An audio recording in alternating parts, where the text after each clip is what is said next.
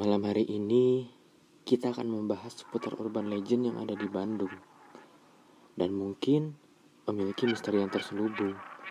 Walau penyampaiannya agak bingung, semoga kalian bisa ikut nyambung. Maka, tanpa berlama-lama lagi, selamat mendengarkan. Why Nenek Gayung?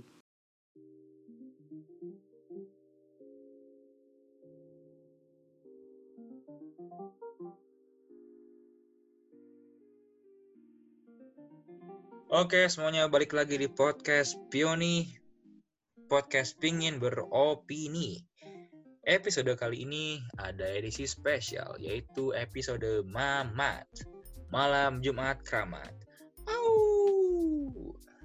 Jadi, kali ini kami bakal ngobrol seputar horor dari sebuah artikel yang sudah kami pilih. Dan menceritakan pengalaman horor yang insya Allah bakal ngebuat bulu kudu kalian merinding hacep. Kenapa harus hacepin? Ya semacam merinding disco aja ya, tapi kan ini hacep gitu. Disco sama hacep kan sama-sama goyang gitu, biar beda aja feelnya begitu. Nah terus kenapa tadi harus ada au? Kenapa? Tidak seram sama sekali Anda yang ngomong. Enggak, maksud itu kayak gini au itu kan yang tadi saya lakukan kan itu sama halnya seperti apa ya suara-suara yang suka ada di film-film horor, di cerita-cerita horor. Dan yang bikin saya bingung tuh adalah kenapa suara serigala dijadikan sebagai suara-suara seram di video-video horor. Padahal kan binatang lain juga bisa. Kenapa tidak suara singa, tidak suara cicak, tidak suara toke. Suara toke malam-malam tuh nyeramin loh ya, jangan salah loh Anda. Gak apa-apa sih menurut gua serigala daripada harus celutukan netizen. Ya Allah, kenapa celutukan netizen Anda? Pedes soalnya pedes, lebih horor. Oh, lebih horor pedes gitu ya. Tapi iya. emang serigala bikin serem ya. Serigala tuh bukan bikin serem aja loh ya. Kenapa emang?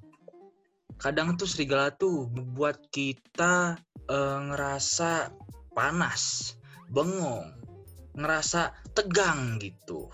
Kenapa tegang? Itu loh maksudnya do serigala kan suka tribal jadi panas. ah, udah daripada banyak gimmick mulu nih, gimmick mulu nih. Jadi hidup gimmick aneh. Iya, gimmick mulu sih Anda sih yang duluan gimmick. Jadi oke okay lah, sekarang kenalin dulu ya. Anda ini siapa main-main masuk ke podcast? Kenalin dulu dong. Jadi oke okay, perkenalkan ya. Nama gue tuh sebenarnya Alfayet Yudhistira Monzana. Biasa dipanggil Fayet mungkin ya. Uh, gua salah satu mahasiswa di salah satu kampus juga di Bandung uh, umur gua 20 tahun. Alasan gua pengen magang di podcast ini karena uh, apa ya? Gua ngedengar kemarin podcastnya kurang bermutu, jadi sepertinya saya harus membantu orang ini untuk untuk memajukan podcastnya ini gitu loh. Wah, emang bejat ya Anda itu emang bejat. Gini ya, ngomong-ngomong tentang horor nih. Anda mau magang di podcast Pioni ini, harus tahu dulu dong topik sekarang kan tentang horor nih. Nah, seberapa oh, jauh nih Anda sendiri tentang dan ngerti eh tentang dan ngerti ngerti tentang horor kan sampai grogi saya ada Anda ini. Sudah tidak bermutu dari omongannya saja. coba coba kasih tahu dong kasih apa tahu ya kasih tahu dong sebenarnya gue bukan yang expert banget tentang horor sih cuman kayak mungkin uh, banyak masyarakat Indonesia gitu ya yang yang interesting tentang horor sih daripada sesuatu yang logis gitu kan ya. Mending mereka ngomongnya horor gitu. Kayak ada sakit dikit oh tidak ini mah ketempelan. Padahal kan tidak juga gitu kan. Iya yes, itu itu sering sering banget sih. Sering banget tuh aduh ini ketempelan gitu gitu ya tapi nggak nggak semua lah. Ada juga yang ya uh, orang ya, yang cukup benar. percaya. Hmm jadi dia itu ngerasa aduh ada yang nempelin dan lain-lain gitu. Oke kalau gitu tanpa banyak cincong kita langsung geser aja ke urban story-nya. Ciao.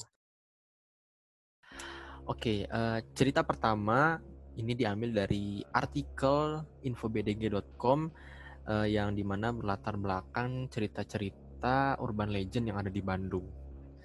Nah, yang pertama ini uh, mungkin orang-orang Bandung udah banyak yang tahu tentang sebuah urban legend di sebuah SMA negeri yang ada di Bandung.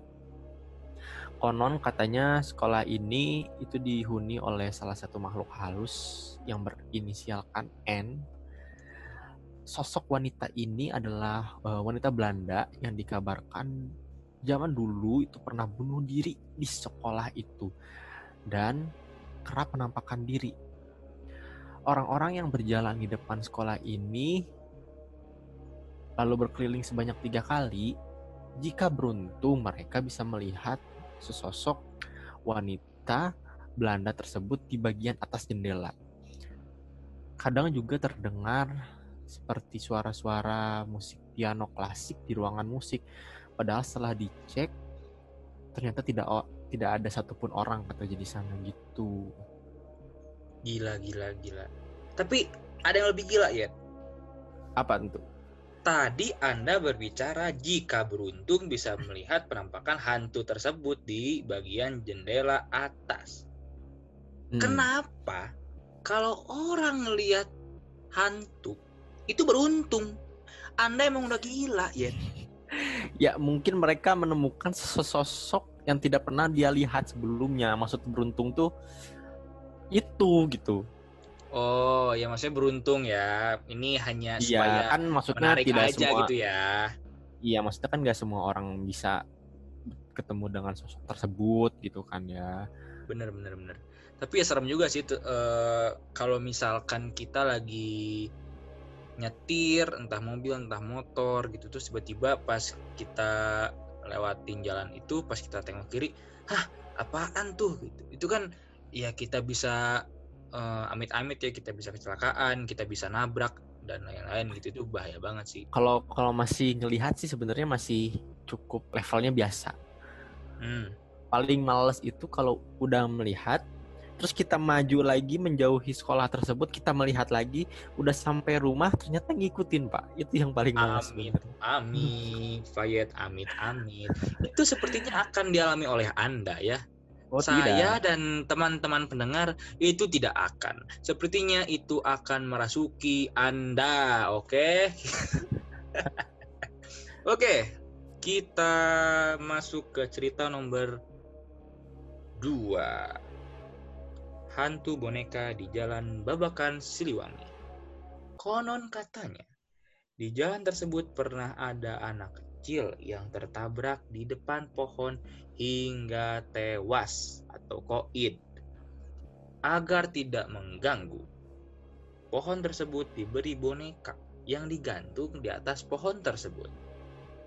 Menurut cerita dari mulut ke mulut, suatu malam hantu bocil tersebut pernah melayang-layang di tengah keramaian jalan. Hantu itu berbentuk boneka panda kecil.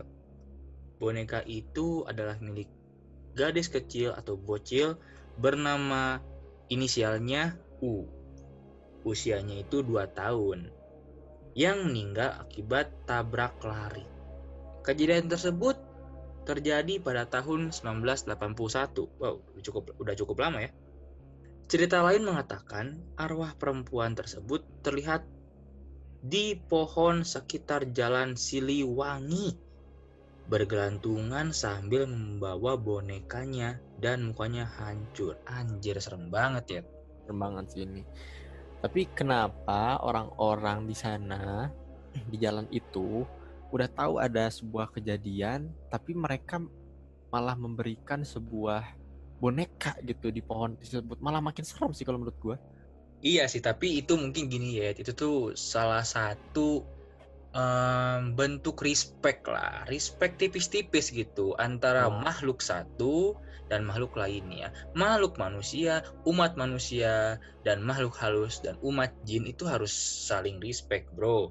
Jadi ya mungkin itulah salah satu cara supaya mungkin dulu tuh orang mikirnya ah yaudahlah supaya nggak akan mengganggu gitu ya dikasih boneka kenapa harus boneka Ya karena kan hantunya masih kecil. Kalau udah gede sih bukan boneka dong, bos.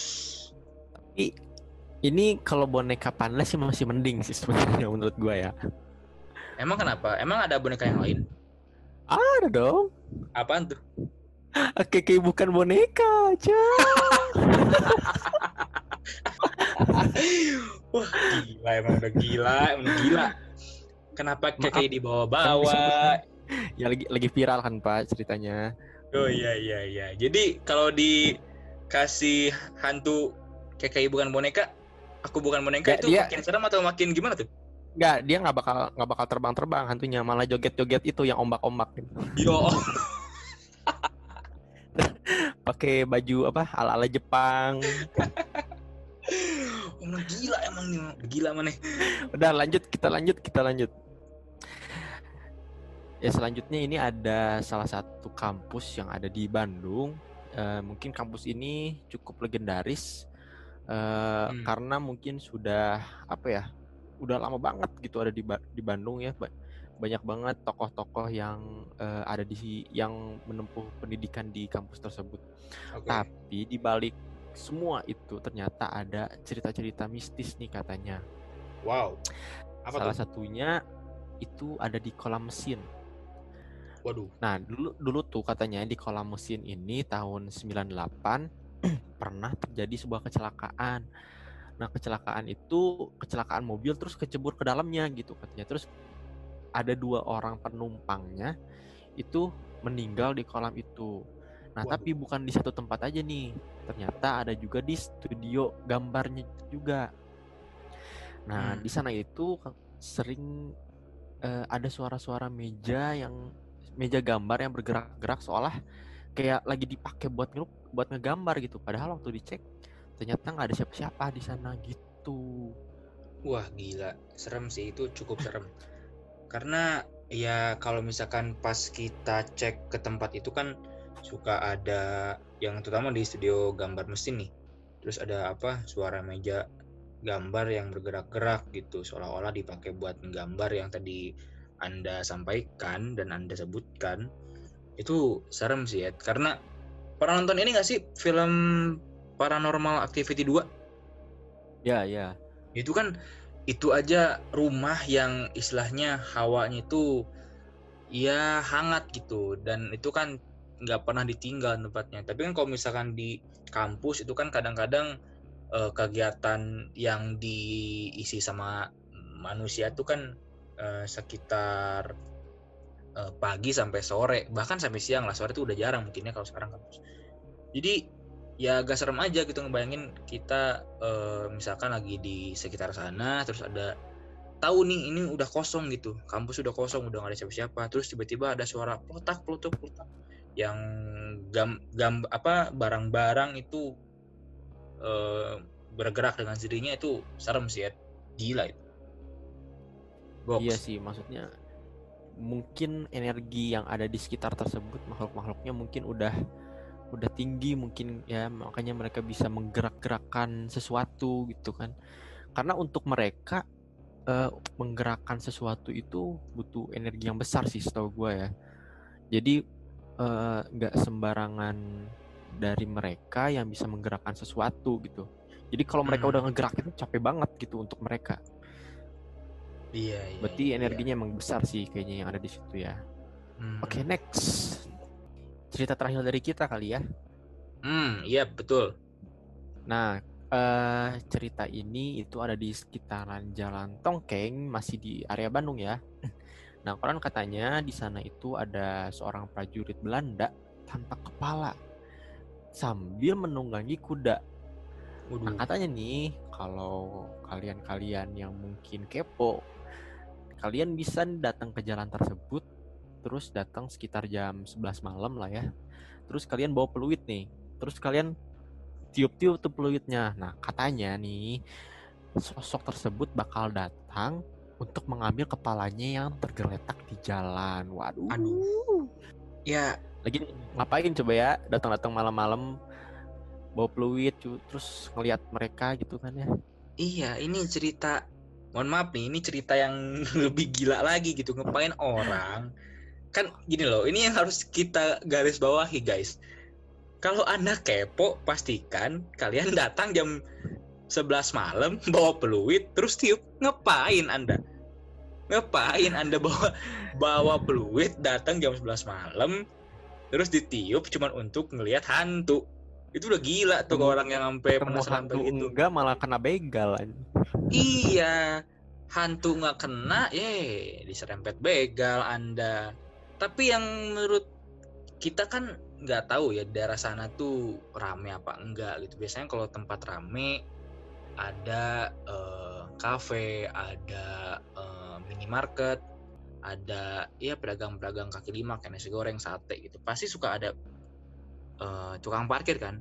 Tukang parkir kan bawa peluit, ya masa bawa toa masjid nggak mungkin dong.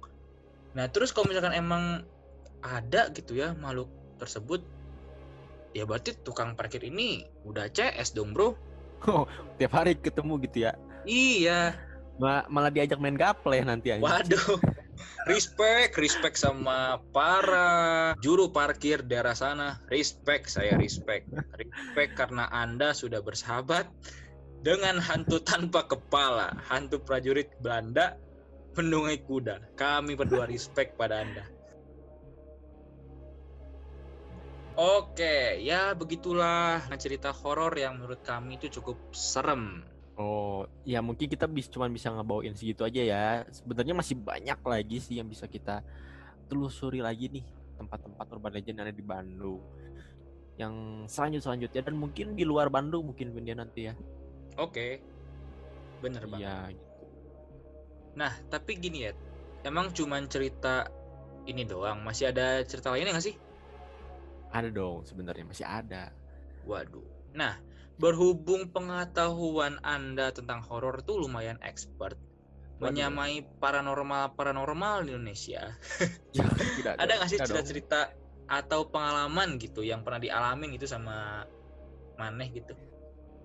Aduh banyak sih sebenarnya kalau pengalaman yang terjadi langsung pernah sih waktu SMA ya mungkin anda tahu itu cuman cuman Aduh, kenapa saya eh, ketawa? gue mau nyeritain salah satu aja sih ini waktu gue umur 2 tahun sih Pin Oke oke, gimana tuh? jadi dulu tuh umur 2 tahun itu kalau nggak salah 2 tahun ya soalnya masih pokoknya gue masih kecil aja gue Iya. diceritain sama orang tua Hmm. eh, dulu pernah ada saudara itu datang dari eh, kota kota seberang kota sebelah Oke. datang ke pengen datang ke rumah gitu silaturahmi awalnya Bentar, Terus, kota mana? eh, Kota mana? Sumedang Sumedang Sumedang. Oke, Nah, terus dari Sumedang pengen ke Bandung katanya dulu terus eh, saudara aku ini eh, naik mobil kan bareng-bareng Iya. dia itu waktu jal- jalan deket eh lu tau Ciwastra nggak sih Ciwastra kan jalan Ciwastra itu kan ada daerah rumah pesantren saya, kan? Bos. Mm-mm. ada pesantren kan Iya, betul sekali. Nah, dia itu ngelihat di dekat pesantren itu di sebelah kanan atau kiri, pokoknya di pinggir jalan katanya ada ada kayak gue lupa ya nggak tahu kakek kakek atau nenek nenek lupa pokoknya.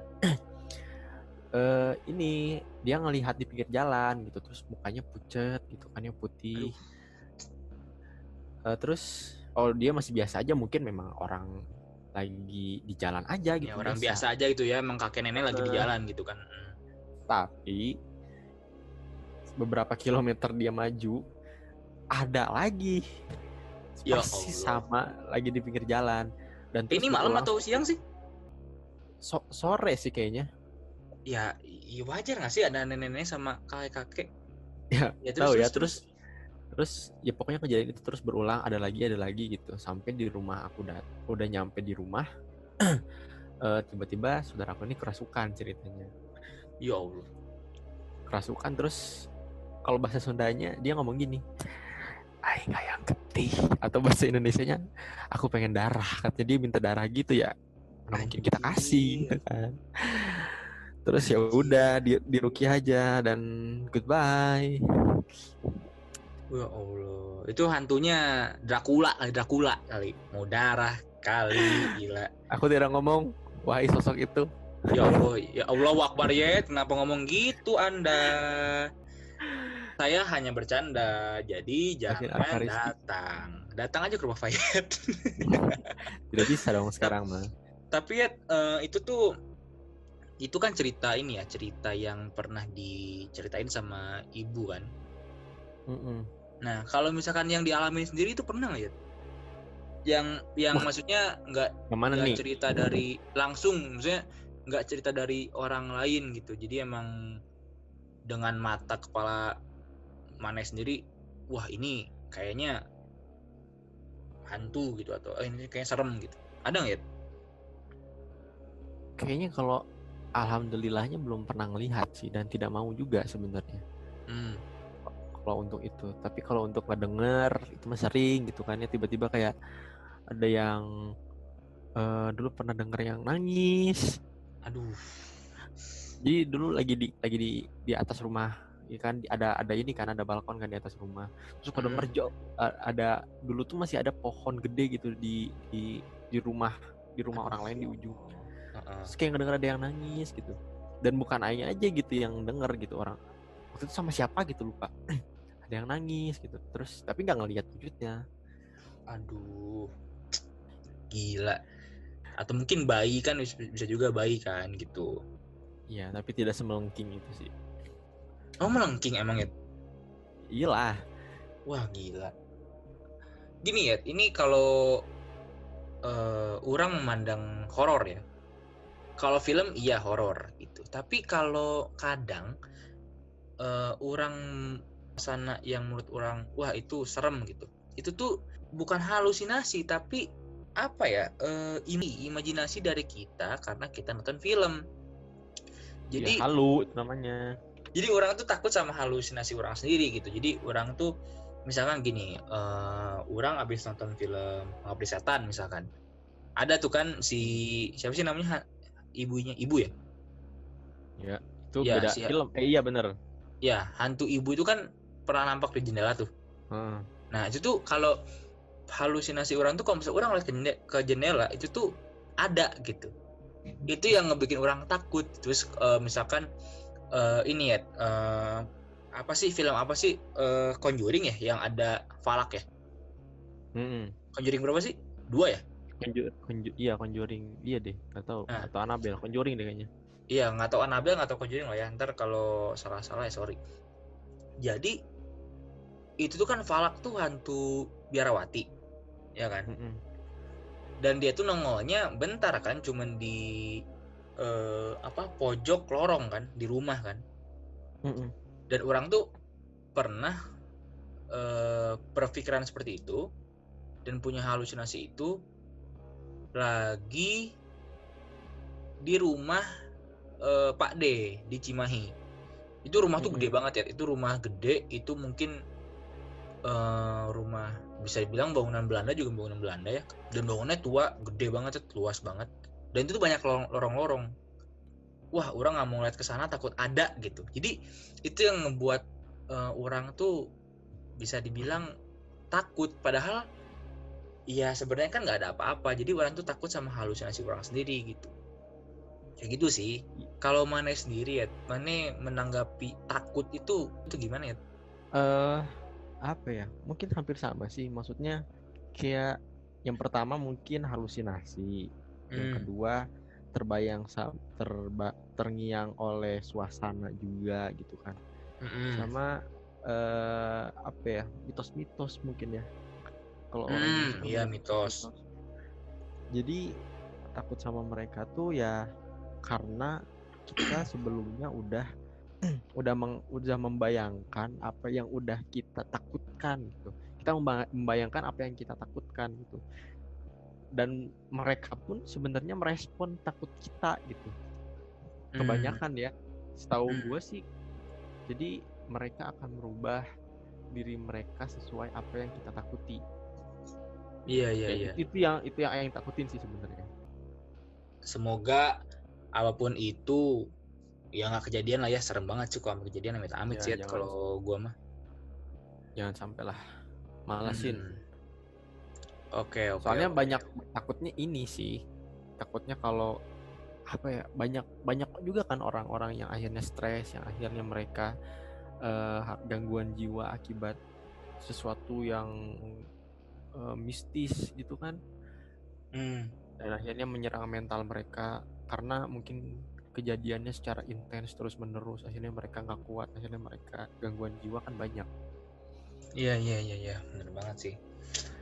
Jadi intinya ya apa ya emang harus respect lah ya sama sama ya kita tahu emang eh, mereka tuh ada gitu ya. Tapi emang harus respect tadi kan yang udah kita bilang di atas kan. Mm-mm. ya dari cerita-cerita di atas pun kita tidak memaksa kalian untuk percaya 100% terhadap apa yang udah kita ceritain kita hanya berbagi cerita aja sih sebenarnya ya Vin ya Mm-mm, bener banget. Mm, gitu terus eh, apa ya mungkin pesannya jangan kita harus bisa melawan takut kita mungkin yang Hmm. kalau misalkan kalian eh, ketakutan pikirkan sesuatu yang menyenangkan buat kalian yang akhirnya eh, energi menyenangkan itu lebih dominan dari ketakutan kalian gitu.